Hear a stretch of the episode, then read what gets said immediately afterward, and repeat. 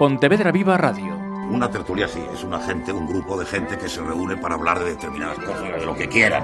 Piensa que el futuro es una acuarela y tu vida un lienzo que colorear, que colorear. Los mapas del cielo, el sol siempre es amarillo, tú lo pintarás y la lluvia o las nubes no pueden velar tanto brillo, y podrá recorrer todo el mundo.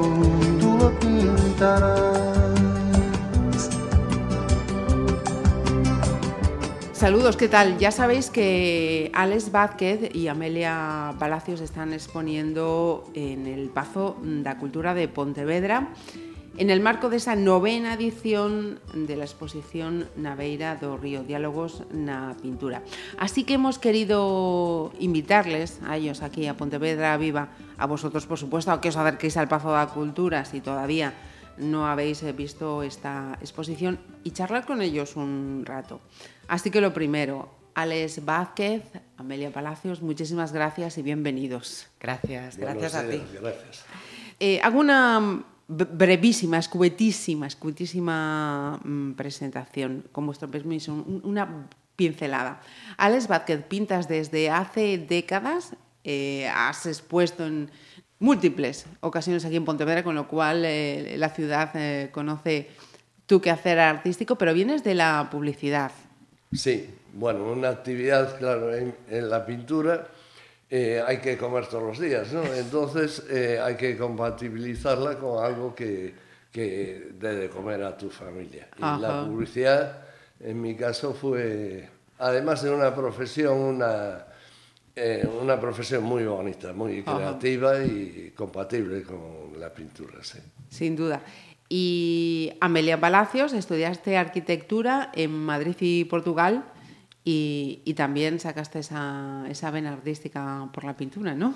Sí, así es. Acabé aparcando los estudios para dedicarme de, en- de entero a, a la pintura.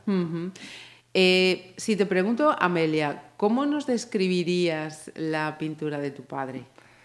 Pues la pintura de mi padre, bueno, yo, mm, para mí mi padre inventó la pintura. Él es, eh, eh, es el mejor pintor del mundo. Es una explosión de color, es la captura de, de un instante, de mm, un momento muy concreto en la naturaleza, en, en- como una fotografía con muy poco tiempo de exposición, en la que consigues ver el más mínimo detalle, las mm, gotas de agua, las brindas de hierba. Eh, es un- una cosa así, eh, tienen vida sus cuadros, ¿no? están en pleno movimiento. en- y, y Alex, ¿cómo Eh, ves la pintura de tu hija? Bien, es un poco exagerada como es. Eh, Amelia es eh, eh, muy distinta a mí pintando. Amelia es muy sutil, es una pintura muy elaborada. Amelia como paisajista, tú ves que en sus cuadros asoma el alma del paisaje, la intuyes y yo la describo. Amelia eh, la sugiere. Es una diferencia, un matiz. Si vas a, eh, a ver mi pintura, yo creo que lo lo verás así. Bueno, tomáis nota de lo que acaba de decir Alex y Amelia para que vayáis a ver esta exposición y si la habéis visto previamente a esta charla, seguro que si volvéis la vais a ver con, con otros ojos.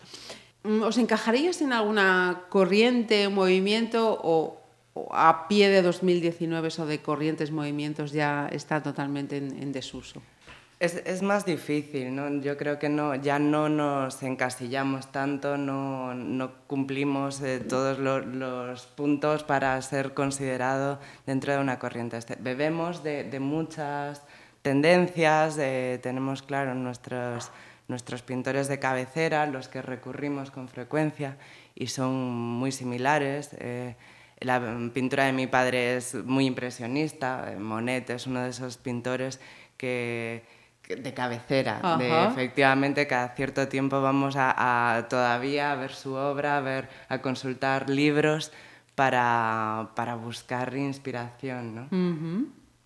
Y Eh, nunca me me preocupó, es decir, yo pido e pinto lo que me pide el cuerpo, lo que uh -huh. me pide, lo que me emociona y me expreso de la forma eh, sin, eh, eh, sin presuponer eh, ningún estilo que deba seguir yo, ni, en fin, y poco a poco he, he ido creando mi propio estilo, sí, pero eh, no me condiciona ninguna escuela, no, la Ajá. verdad que no. Entonces, eh, la pintura siempre me la planteé como un, un diálogo íntimo. Eh, después, si trasciende al público en forma de exposición y tal, pues hombre, eh, no busco directamente que le agrade la pintura, si le agrada para mí, pues es eh, emoción doble, ¿no? Ajá. La de crear y la de lograr la aceptación de, de la gente que, que la ve. Acaba de mencionar, Alex, eh, la palabra eh, diálogo. Mm, Yo os propongo un, diálogo también en torno al, arte y al arte pictórico. Para vosotros, eh, este arte debe hacer reflexionar, debe ser motivo de disfrute. ¿Qué buscáis? Yo creo que el, el- el tratar de, de que el arte trascienda, eh, eh, yo, yo creo que el arte en sí mismo es la expresión de un creador, ¿no? Y para mí, eh, yo logro el, el lograr el diálogo, que dialogue mi obra de, arte con el público, pues es, como te dije antes, emocionante, ¿no? y, pero yo expresarme ideológicamente o eh, me expreso emocionalmente, nada más. En mis emo- eh, eh, si la gente capta mi emoción, es lo único que, que yo pretendo con la pintura, eh, plasmar una emoción, no ideas ni, ni planteamientos pues, de tipo ideológico ni nada de eso. No. Eh, y, a- y Amelia, en tu caso. Yo concuerdo totalmente. Me gustó mucho esa expresión que dijiste, de un diálogo íntimo con uno mismo. Yo creo que para cada eh, pintor, cada creador, eh, las motivaciones son, son diferentes. Eh, en cualquier caso, hay que ser fiel a uno mismo ¿no? e intentar plasmar aquello que, que te está pidiendo el, El cuerpo. cuerpo. Eh, en mi caso, pues, pues sí, no, no pretendo hacer una, una crítica, no pretendo hacer... Sí, yo creo que a lo mejor teniendo una visión un poco pesimista de- del mundo, eh, busco la belleza y Ajá. busco la tranquilidad y busco una serie de imágenes eh, pausadas y relajadas, ¿no? En este mundo a veces un poco caótico y, y loco. sí. Mira, y todo lo que se nos eh, presenta, todo lo que se nos vende, entre comillas, como artístico, ¿es tal? A mí me cuesta mucho eh, criticar el trabajo de otros y más cuando se refiere a una creación artística en la que entiendo que cualquier creador está dejando eh, mucho Parte de sí, ¿no? Como claro. decía Alex. Y es un trabajo muy personal en el que efectivamente hay muchas horas de trabajo y, y estás intentando sacar algo que a veces ese algo no llegue al espectador y, y es muy fácil y muy rápido juzgar de, bueno, esto es una, una chafallada o algo así. No, a mí no me gusta hacerlo. Intento respetar el trabajo, intentar entenderlo. Si a mí no me llega, pues a lo mejor el problema lo tengo yo y no lo tiene tanto el el, artista. el artista. ¿no? Ajá. Ujú. Alex, tengo- Eh, yo sí desconozco la trayectoria de un creador, no opino de su obra, porque eh, pienso que, que todo el mundo debe ser coherente y tener un- una razón para llegar a lo que llegó, ¿no? Y tú te puedes encontrar con algo sorprendente o que no entiendes y si lo analizas eh, en profundidad por qué llegó ese señor a esa forma de expresión, pues probablemente le encuentres sentido. Claro, eh, eh, vas a un museo, te encuentras de repente con obra muy variopinta y una que te sorprende, yo no, no me planteo eh, enjuiciarla, quién soy yo, ni hablar, si, si desconozco la trayectoria de él. Fijaos, a mí sí que me llamó la atención últimamente una mm, propuesta mm, que parece en los tiempos que, mm, a los que vamos que, se va, que se va a instalar, que es la, la pintura virtual, la pintura 3D. ¿No? Es, es no sé, me, me, cuesta todavía. Quizá tengo que analizar. Sí, eh, yo tengo que reconocer que no, no lo he estudiado mucho, no, no lo conozco. Yo creo que somos eh, defensores de la pintura tradicional, de la pintura con, con, pincel, ¿no? Sí hemos explorado nuevas técnicas, eh, dibujo digital y a través de nuevos soportes virtuales, pero, pero me gusta mantener... Eh, Como el libro, ¿no? Como las páginas del libro. Sí, efectivamente. Yo siempre opino lo mismo, que, que es una herramienta más, ¿no? La, digamos, la digitalización. Y que, que eso no hace al artista. El artista es tan tonto o tan listo como eh, independientemente de la herramienta con que se exprese. ¿no? Y, y, bueno, también el, eh, lo decía Amelia, hacemos, eh, eh, a veces recurrimos a herramientas digitales porque están ahí, son maravillosas, ¿no? Y, es un mundo por explorar. Que se estén obteniendo unos resultados, a lo mejor, pues que, que aún no satisfagan plenamente ni emocionan, pues no sé, puede ser, pero, pero es un campo a explorar, sí. Em, miramos al, al público, a, la persona, al espectador, al individuo. Eh, estamos actualmente eh, tan sobreimpactados ¿no? de, de, imágenes que quieren hacernos llegar, que, que, nos mm, llamen la, atención, que para vosotros, artistas, eh, os resulta también más difícil crear algo para que impacte, para que llegue al, al espectador. Yo creo que sí, creo que sí, que Claro, y lo comentábamos, los smartphones ya en este momento todo el mundo es capaz de tomar una buena imagen. Bueno, hay algunas que todavía no. Estoy segura de que sí, pero, pero sí, sí, sí tenemos mucho mayor alcance ¿no? de, de una cantidad excesiva de, de, imágenes y sobre todo de esa rapidez con la que pasamos esas imágenes ¿no? en redes mm. sociales que es muy difícil que algo te llame tanto la atención como para que te pares realmente a, verlo y, y a disfrutar de esa imagen. Sí, sí. Alex. A mí, bueno, en eh, llamar la atención no me preocupa, ¿sabes? O sea, me preocupa hacer mi trabajo.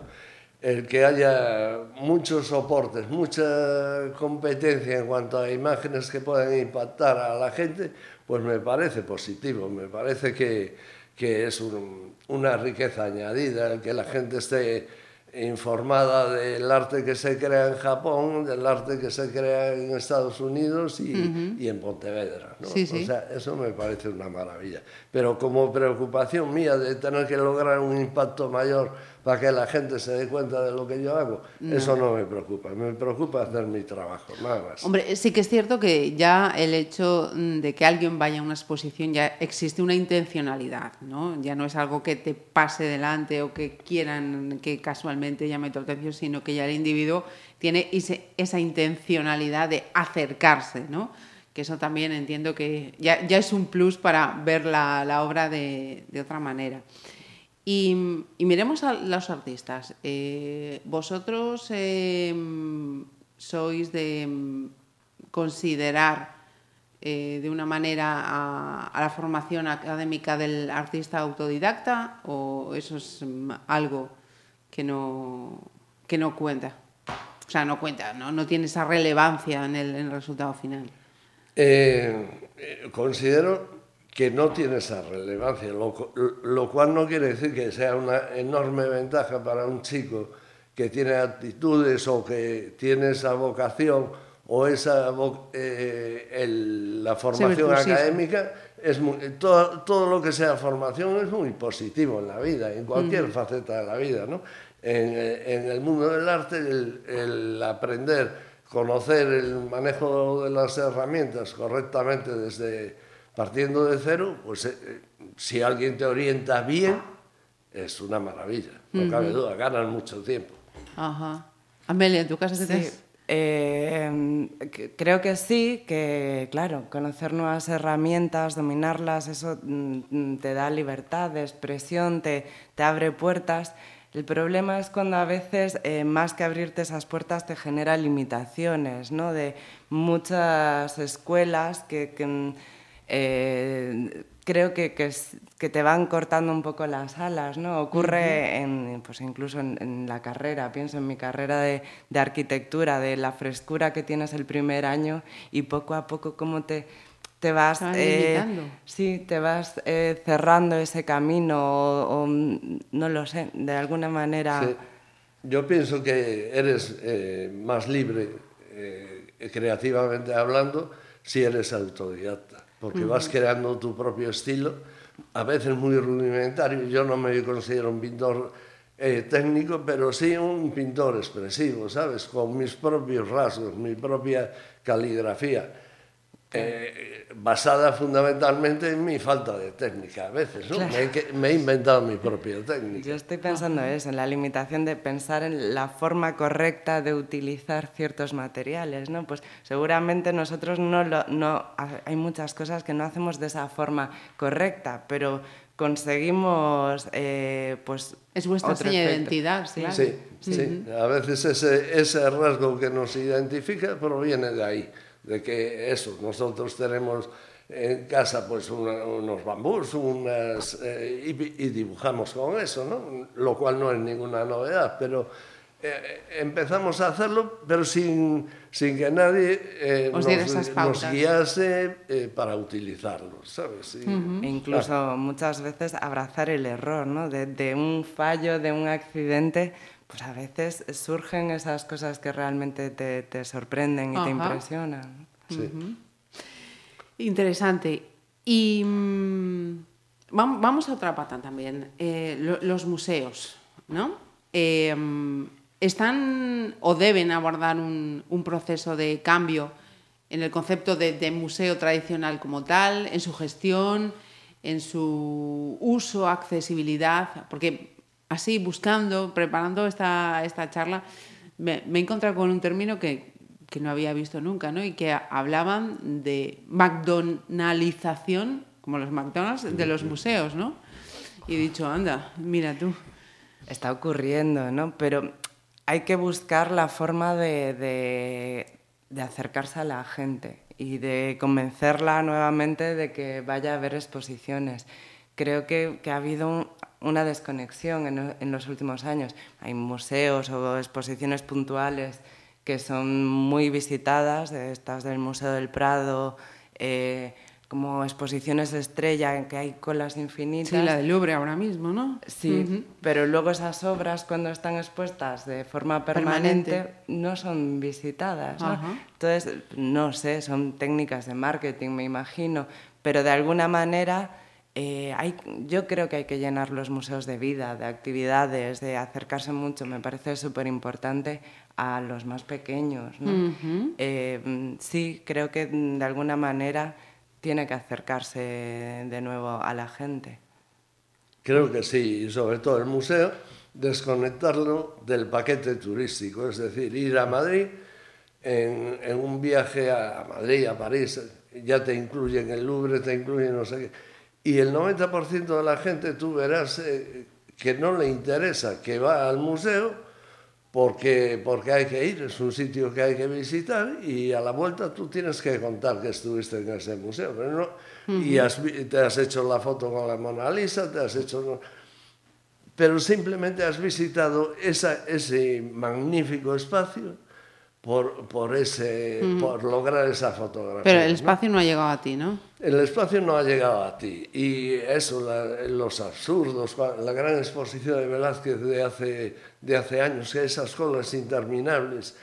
¿Y qué pasaba? Que solo cinco o seis cuadros no estaban permanentemente en el en Museo el... del Prado. Y, y, y, eso es la tristeza, ¿no? Uh -huh. el, la gente que realmente ama la pintura y tal, pues no podía ver la, pintura en condiciones. el museo creo que tiene que, eh, renovarse, y, eh, pero no, no, buscando las visitas masivas, sino las, las visitas razonadas. Y, no sé, hacía todo y, y dirigirse a unos públicos muy concretos, pues a gente de tercera edad, eh, escolares, eh, puntos de vista distintos que pueden ser comunes entre, entre generaciones, ¿no? Que, uh -huh. pero, pero no dentro de un paquete turístico, eso es horroroso, eso es horrible. Uh -huh. A mí transformar un museo en un parque temático es una barbaridad. Ajá, buena, buena museos como parques eh, temáticos, con lo cual yo tenía aquí una, una, cuestión que también veía y hay algunas corrientes que, que abogan por eso, ¿no? que, que, los museos ya no solamente sean museos, sino como, eh, como otros recintos, espacios eh, multidisciplinares. ¿no? Veo que, que Alex no, no, por ahí no, no, lo ves, no lo ves. Yo eh, veo el museo como algo, como algo muy vivo -huh. como algo, non sei, como algo que non tengas que ir en eh, ponerte a una cola, eh, participar de un grupo, participar, que puedas visitarlo individualmente o por un interés común, estético, común con otra gente, en fin. Y después que ese museo te ofrezca actividades, bueno, eh, primero ya casi ninguno lo es, ¿no? Que un almacén de, de objetos bellos es, es eso que un ese, contenedor. Ese contenedor, ese, ese concepto que desaparezca, ¿no? Con esos objetos bellísimos que se los ofrezca al público de forma atractiva, pero no masiva. No masiva. Y buscando, pues eso, el, el lograr optimizar los recursos y el espacio y, bueno, crear actividades paralelas para niños, para mayores, para... Eh, eh, uh -huh. Vivo, fin, un ente hacerlo, vivo, hacerlo muy vivo, muy vivo, Ajá. muy vivo. Y, y, se está en este país, ¿se va por, por, buen camino o cada vez se va abandonando más? Y entramos ya en la gestión, ¿no? En la parte de gestión. Pues, pues yo no lo sé, no lo sé. Y, y varía mucho, claro. Si hablamos de Madrid, los museos son un gran reclamo, ¿no? Y vas uh -huh. a Madrid y no dejas de visitar... Eh, dos o tres museos, aunque vayas un fin de semana. Uh -huh. En Pontevedra yo no sé si se le saca todo el partido que se podría sacar. Uh -huh. a, a, tenemos un museo maravilloso y unos espacios maravillosos. Y tristemente yo no los veo uh -huh. demasiado visitados. ¿no? Entonces, claro, no sé si se está haciendo bien, tampoco sé cómo, cómo se podría mejorar. Sí, eh, llenándolo de actividad. Yo, Claro, es el caso opuesto. Mi padre habla de esa masificación de Madrid. Aquí un poco de masificación nos vendría bien de vez en cuando, ¿no? Sí. De ver en algún momento que el museo se llene. Pues, uh -huh. Ocurre puntualmente. Sí, ha habido exposiciones eh, que han tenido, sí, sí, sí. sí. Unas, unas visitas masivas. Recuerdo incluso alguno, eso de que en los primeros días de, de hacer esa, esas colas que, que sí. decía Alex. Y si la memoria no me falla, creo que no eran precisamente pinturas lo que, lo que se exponía, mira. Ya. Sí, uh -huh. bueno, es que ahora ya el campo se amplió mucho, ¿no? Uh -huh. y, y, es lógico. Tú, el, eh, que escandaliza a mucha gente ver una Harley Davidson en, en, un museo. Me estabas leyendo el pensamiento. A mucha gente le espanta, pero a mí hay objetos ya en sí mismos que ya forman me refería, parte de Me refería a aquella exposición, ¿eh? sí. Y son una verdadera mm. creación. Me o sea, refería a aquella. Yo, eh, hay que tener la mente abierta también, sí. ¿no? Uh -huh. A mí me gusta mucho el museo que tenga actividad, que la gente entre, Ajá. salga, que pierda el miedo, que es gratis, que es... Mm, y que no, mm, uh eh, -huh. Eh, en fin, que no vaya buscando el super espectáculo. Que hay un señor que toca la flauta estupendamente y está en el piso de abajo en un auditorio, pues bárbaro. Que hay la presentación de un libro pero non de un gran escritor, de un escritor local, pois pues, estupendo. Uh -huh. Que hai un taller para niños en unha exposición estupenda, estupendo. Que hai eso, que tenga viva, y, vida. E se si é un espacio público que pagamos todos os ciudadanos, non é demagogia, eh? que se rentabilice.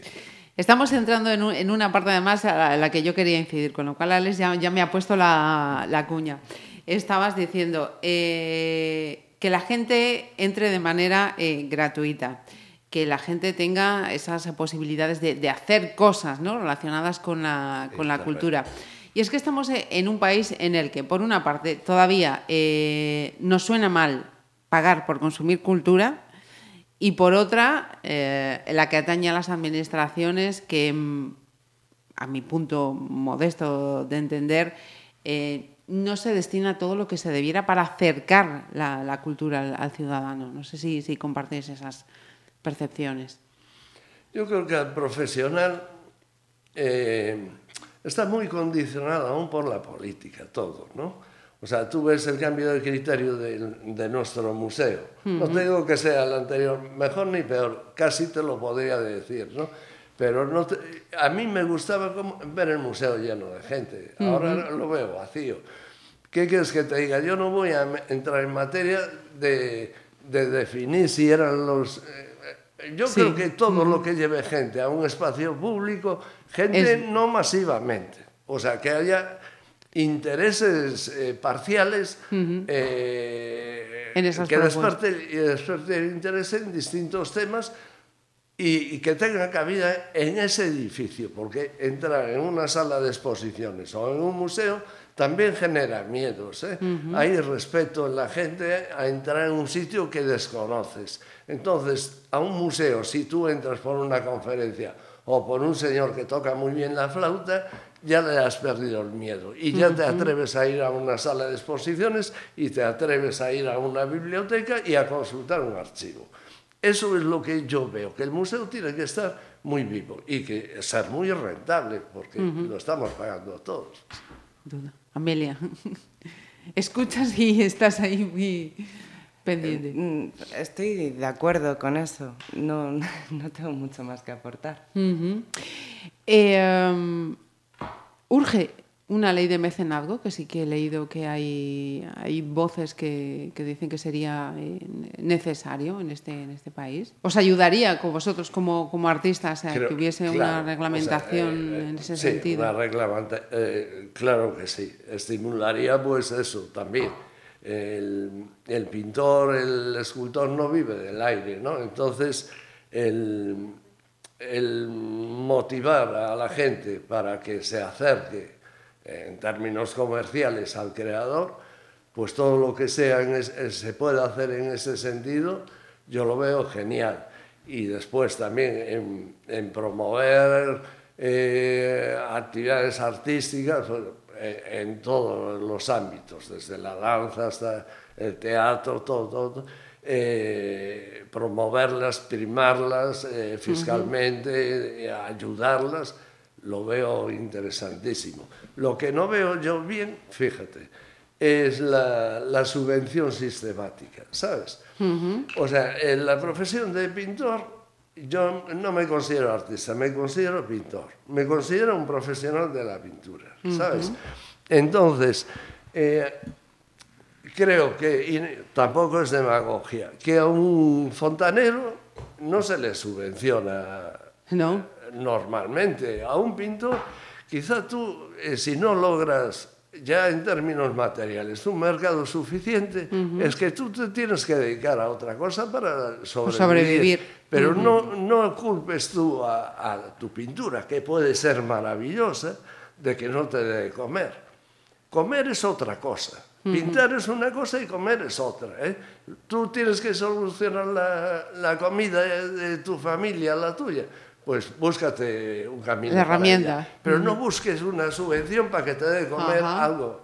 Yo creo que no, no es normal. Es eh, un albañil, un médico, un arquitecto que no le va bien profesionalmente, tiene que, que pues, que hacer dibujitos o, o buscarse sí, sí, buscarse La, la, vida. Y tú, y yo, y cualquiera. Está claro. Entonces, hay gente eh, que busca la subvención sistemática, muy llorona, y épocas muy brillantes en pintura. Hay una anécdota, a lo mejor no le hace gracia. ¿eh? eh mi hija, eh, Amelia, cuando era pequeñita, quería un libro o quería algo y me decía, papá, hoy somos ricos o pobres. y esa es la realidad de la pintura, porque hay veces que va muy bien y otras veces va fatal en términos económicos. Pero yo ya desde hace mucho tiempo ya eso eh, corté con eso. Es decir, el sentido de mi pintura no es vender o no vender. Eso no tiene sentido ninguno. ninguno. Te lo digo sinceramente. Y eh, pinto y hemos llenado una sala con 270 cuadros, ¿eh? que genera unos gastos eh, importantes. puedes creerlo, y hemos pintado sobre un tema que es el LED, que es Pontevedra, sin preocuparnos del alcance de, de, sí, los efectos económicos que, que, no la va a tener. O sea, porque la realidad del mundo del arte no es que sea una actividad bollante, ni mucho menos, pero es así. No puedes esperar tú eh, que te llueva el dinero del cielo, ni tú ser especialmente eh, eh, ayudado. No, por, por esa actividad. No tiene sentido. O sea, si tu idea es buena y es buena para la sociedad, claro, es bueno que te apoyen.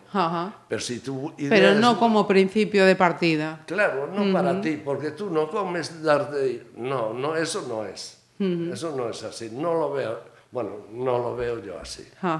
Yo iba precisamente a decir algo parecido. Yo no aspiro tampoco a, recibir subvenciones, ayudas continuas, ¿no? Y, veo que en nuestro entorno hay mucho creador, a veces un poco llorón, ¿no? Que está siempre pidiendo eso.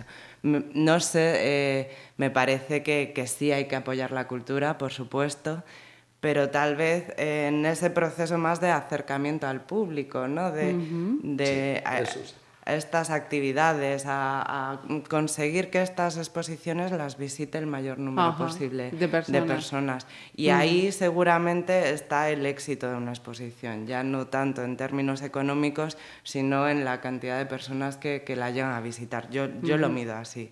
Sí, y, crear espacios, intercambios entre comunidades, de... Bueno, pues esas cosas son crear espacios aquí en Pontevedra, por ejemplo, de, de exhibición porque los, los chicos de Bellas Artes que, que Pontevedra cada vez pierde más salas, cada vez hay menos salas de exposición. Pues eso no debe ser, no puede ser. Claro que no son rentables, no son espacios rentables, pero eso sí que tiene que asumirlo. Eh, si no hay eh, ahora cajas de ahorros que hagan esas obras sociales y tal, la obra social, lo tendrá que asumir la administración, pero tiene que hacerlo porque Pontevedra sí que lo necesita. ¿no? Totalmente. Eh, sí, somos una ciudad con, mucho creador en muchos ámbitos de, la cultura. Y, fíjate, Amelia mismo, eh, tú, si no me equivoco, eh, resides en, Portugal, ¿no? no En Oporto. Sí, sí. ¿Y ¿Cómo ves esa perspectiva desde uno y otro, pese a tan poquita distancia? Pues la, la, diferencia es abismal. La cantidad de actividad cultural que hay en Oporto por metro cuadrado es tremenda. Aquí hay muchísimos artistas. Pontevedra está claro, hay una facultad de, Bellas Artes. Pues debía de ser también, no sé, debería ser pionera en, exposiciones, en eh, actividades, propuestas. en propuestas de todo tipo. Y yo no las veo, ¿no? Cada vez me parece que hay menos. Sí, cada vez hay menos, sí. Esa es la realidad. Otro concepto, o otra mm, pata en, eh, hablando de, arte, el coleccionista. ¿Seguimos teniendo una imagen desvirtuada del, coleccionista? Creo que, claro, desde hemos retrocedido un poco, ¿no? Desde la crisis, antes de la crisis, un cuadro lo compraba cualquiera, no era, no suponía tal esfuerzo. Eh, pues eran personas de todo tipo. Eh, ahora yo creo que, que, sí, desde la crisis, pues todos medimos mucho más en qué gastamos nuestro dinero. Y de nuevo se está em, dejando este tipo, el consumo cultural vuelve a ser algo un poco de, de las élites, ¿no? de, de, una clase social alta. Es quien se lo puede permitir. Em, posiblemente más gente también se lo puede permitir, pero hay ese miedo o ese no sé, ese recelo. Yo, digamos que el gran coleccionista, y eh, salvo unas poquitas excepciones, yo Eh, desconozco en gran parte ese mundo. Eh, creo que en Galicia pues hay las colecciones que conocemos todos. Había sobre todo las colecciones de cajas de ahorros, que eran las que nos salvaban la vida muchas veces, ¿no? Porque eh, la verdad que era una maravilla, ¿no? Pues contabas que, que tres o cuatro veces al año pues eh, podías tener la suerte de, de que eh, tres o cuatro obras eh, las adquirían ellos, ¿no? Lo que sí me produce de hace 15 años, lo, hasta hace 15 años lo que había, ese pequeño coleccionista que iba más que la clase media, pues eh, vivía una época que vivió bien, de bonanza. Eh, despreocupada, uh -huh. iniciaba su colección, iba más, cada vez más exigente. Era un, eh, un mundo muy interesante y que veías con una perspectiva muy bonita. De repente Llegó se vio la crisis, truncada. Y esa clase media desapareció, porque además la, la poca gente que queda... Eh, que podemos considerar económicamente que aún pertenece a esa clase, tiene otras preocupaciones, como la que es que su hijo se pueda quedar sin empleo, como el, el jubilado que era la edad de oro, ya no lo es, porque muchos abuelos tienen que preocuparse de sus nietos y tal. Entonces, esa disponibilidad económica ya no la hay. Y por otro lado, también el- esa crisis eh, varió mucho las costumbres. Es muy difícil encontrar a un chico, una persona de menos de 45 años, que entre en la sala de motu propio, que no vaya acompañado de una persona mayor. Tú verás que la, la juventud no accede a las salas. Y, y no sé, esa es una cuestión Una muy interesante. Un, eh, para instituciones, para el museo, eh, lograr que esa gente vuelva al museo, vuelva a recorrer, que le interese, vuelva a recorrer. Yo creo, mm, con, con permiso de, de los dos, de Alex y de Amelia, que es una cuestión como todo, ¿no? De, de educación. Si desde pequeñitos a ti te acercan al museo, ves ese espacio como algo natural y vas a crecer y vas a ir mirando a museos y teniendo esa eh, referencia. Si desde chiquitines no, no te enseñan eso, difícilmente cuando ya tienes eh, cierta edad, puede que sí, pero desde luego el grado de asistencia no, no va a ser tan grande. Y, y hacía esta reflexión además porque creo que los dos habéis colaborado en, en propuestas con, con niños, ¿no? Vinculadas con el, con el arte. Sí, sí, y, y- y es así, es súper importante.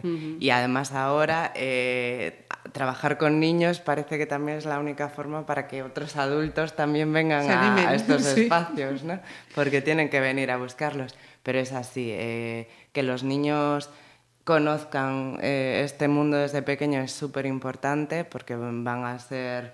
eh, Futuros consumidores o artistas. Claro, y después que, que es un mundo maravilloso. O sea, ya no lo digo egoístamente porque a mí me beneficie que, que esto, estas personas vayan a museos, sino que es una vía de escape, es, eh, es una necesidad. Parece que, que no, pero sí lo es. el, el tener algo más, y ya no la pintura, la música, el teatro, ¿no? todo esto que parece que, que lo estamos arrinconando es muy importante en nuestra vida. Ujú, Sin duda, sin duda. ¿Qué tal la experiencia, Alex? Yo, eh, eh, yo, fíjate, estoy en este momento con unos talleres, ¿no? Y, y- y yo considero, a los, eh, yo me considero pintor, pero yo considero a todos los niños, a todos, hasta una edad de 8, 9, 10 años, artistas. Son todos artistas. Es decir, con una sensibilidad y una valentía eh, de expresión. eh, a mí me sorprenden y, y lo paso bomba y aprendo mucho con los niños. Yo, para mí no es ningún esfuerzo trabajar con ellos. Pienso que lo que hacemos con los niños somos unos imbéciles todos. ¿eh? Porque claro, eh, eh, el principal problema no es que el niño se pegue a la televisión, es que nosotros lo incitamos a que se pegue a la, porque se está manchando con la acuarela, vas a poner perdido el sofá, vas a... Entonces el niño, vete a ver la tele, no sé qué, que vas a poner todo hecho un asco. Yo eso lo he visto con mis propios ojos 80 veces. Lo hablábamos antes con el tema de las limitaciones. ¿no? Amelia es cómo nos pintora vamos- porque Amelia pudo pin- eh, manchar todo lo que le dio la gana. Y yo creo que es pintora por eso, ¿sabes? O sea, y no sé, no sé. eh, eh, creo que es así, que limitamos mucho a los niños, a los porque niños. los niños están predispuestos a ir a exposiciones, ¿eh? uh -huh. y les gusta, te lo digo por experiencias de verlos eh, en mi sala, unos se echan a correr eh, por allí, en fin, yo todo menos lo que sea, tocar cuadros y gritar demasiado, pues yo encantado de que lo hagan, para que pierdan el miedo precisamente, A que no es un espacio aburrido, que hay que estar callado y hay que estar quietecito. No, no. A mí me espanta cuando empiezan a obligar a los niños a, a, A estar calladitos, a quietos. adoptar unos comportamientos de conducta que no son habituales en ellos. Odian ese espacio, ya no vuelven, ¿no? Pero eh, no es tan difícil, además, eh, eh, preparar al niño para que sea eh, a lo mejor un gran pintor o a lo mejor un- un- una persona que participa de esa cultura, de la cultura del, mundo del arte en la pintura. No es nada difícil porque es natural en él. Lo fastidiamos nosotros, lo educamos y entonces la hemos fastidiado. Los mal educamos. Sí, sí. Eh, antes de terminar, con vuestro permiso, eh, quería haceros una pregunta pasándonos a, a otra disciplina que bien conoce Amelia. Eh, quería hablar de Antonio Palacios. Eres sobrina nieta de Antonio Palacios. Eh, ¿Qué es lo que estamos haciendo eh, tan mal mm, para que mm, un inmueble como la Fuente de Troncoso en Mondariz esté dando tanto de qué hablar y sobre todo que ese edificio se encuentre en la situación en la que se encuentra? Pues es increíble, es realmente increíble. Además creo que está catalogada, ¿no? Está Eh, hay- Hay, una obligación de, de conservar eh, ese, ese lugar. Yo a mí no lo acabo de entender. Creo que hay unos desacuerdos entre el propietario y el concello, no acaban de entenderse. El concello quiso quiso Adquirir, adquirir ujú. esta fuente y no, no llegaron a un acuerdo. O sea, es una obligación y, y además es que nos arrepentiremos mucho. ¿eh? Si llega eso a desaparecer y a faltar, nos vamos a arrepentir, ¿no? es, es una joya que ten- tenemos que pelear por conservar. Ujú. Alex, querías. Es penoso, claro. Eh, eh, es penoso y que suceda además eh, tan cerca de, de donde nació Antonio Palacios, ¿no? O sea, eh, ves en Madrid el Hospital de Mau, ese Palacio de Comunicaciones, las estaciones de metro, que metro. se han recuperado, se está tratando con, con mimo, ¿no? Por las administraciones. Bueno, hay alguna polémica, como las cocheras ahora eh, del metro de Caminos. Madrid, que también eh, hay ahí un tira y afloja a ver si se conserva o no. Pero, pero que, que aquí eh, pues, eh, permitamos que eso se destruya sería imperdonable, imperdonable. Imperdonable. Ahí, que, ahí queda esa, esa palabra para quien deba, quiera o, o pueda re- recogerla. Eh, Alex y Andrea, eh, muchísimas gracias porque me quedo con muchas máximas eh, interesantes y con la esperanza de que reconduzcamos los adultos las conductas y acerquemos a- al futuro, que son los niños, al arte. Vale. Pues muchas gracias. Pienso que es eso, que ahí está el, el, ahí El kit está de la cuestión. Clave, la clave, que los niños eh, eh, dejarlos seguir su flujo y que participen en la cultura. Dejarlos seguir. Muchas gracias a vosotros. Y otra cosa más, para los que nos estén escuchando, Pazo da Cultura, esa exposición Naveira do Río, Diálogos na Pintura, con Alex y Amelia. Muchas gracias. Gracias. La gente dice que soy un genio, que todo me fue fácil. Lo cierto es que la única forma de ser un verdadero artista es trabajar día y noche, perderte por completo en tu obra. Quiero pintar como tú, papá. Entonces te enseñaré. ¿Sabe alguno de ustedes pintar algo tan extraordinario? Tu técnica es errónea. Tienes talento pero no disciplina. Necesito ver las cosas de una forma nueva, romper las reglas.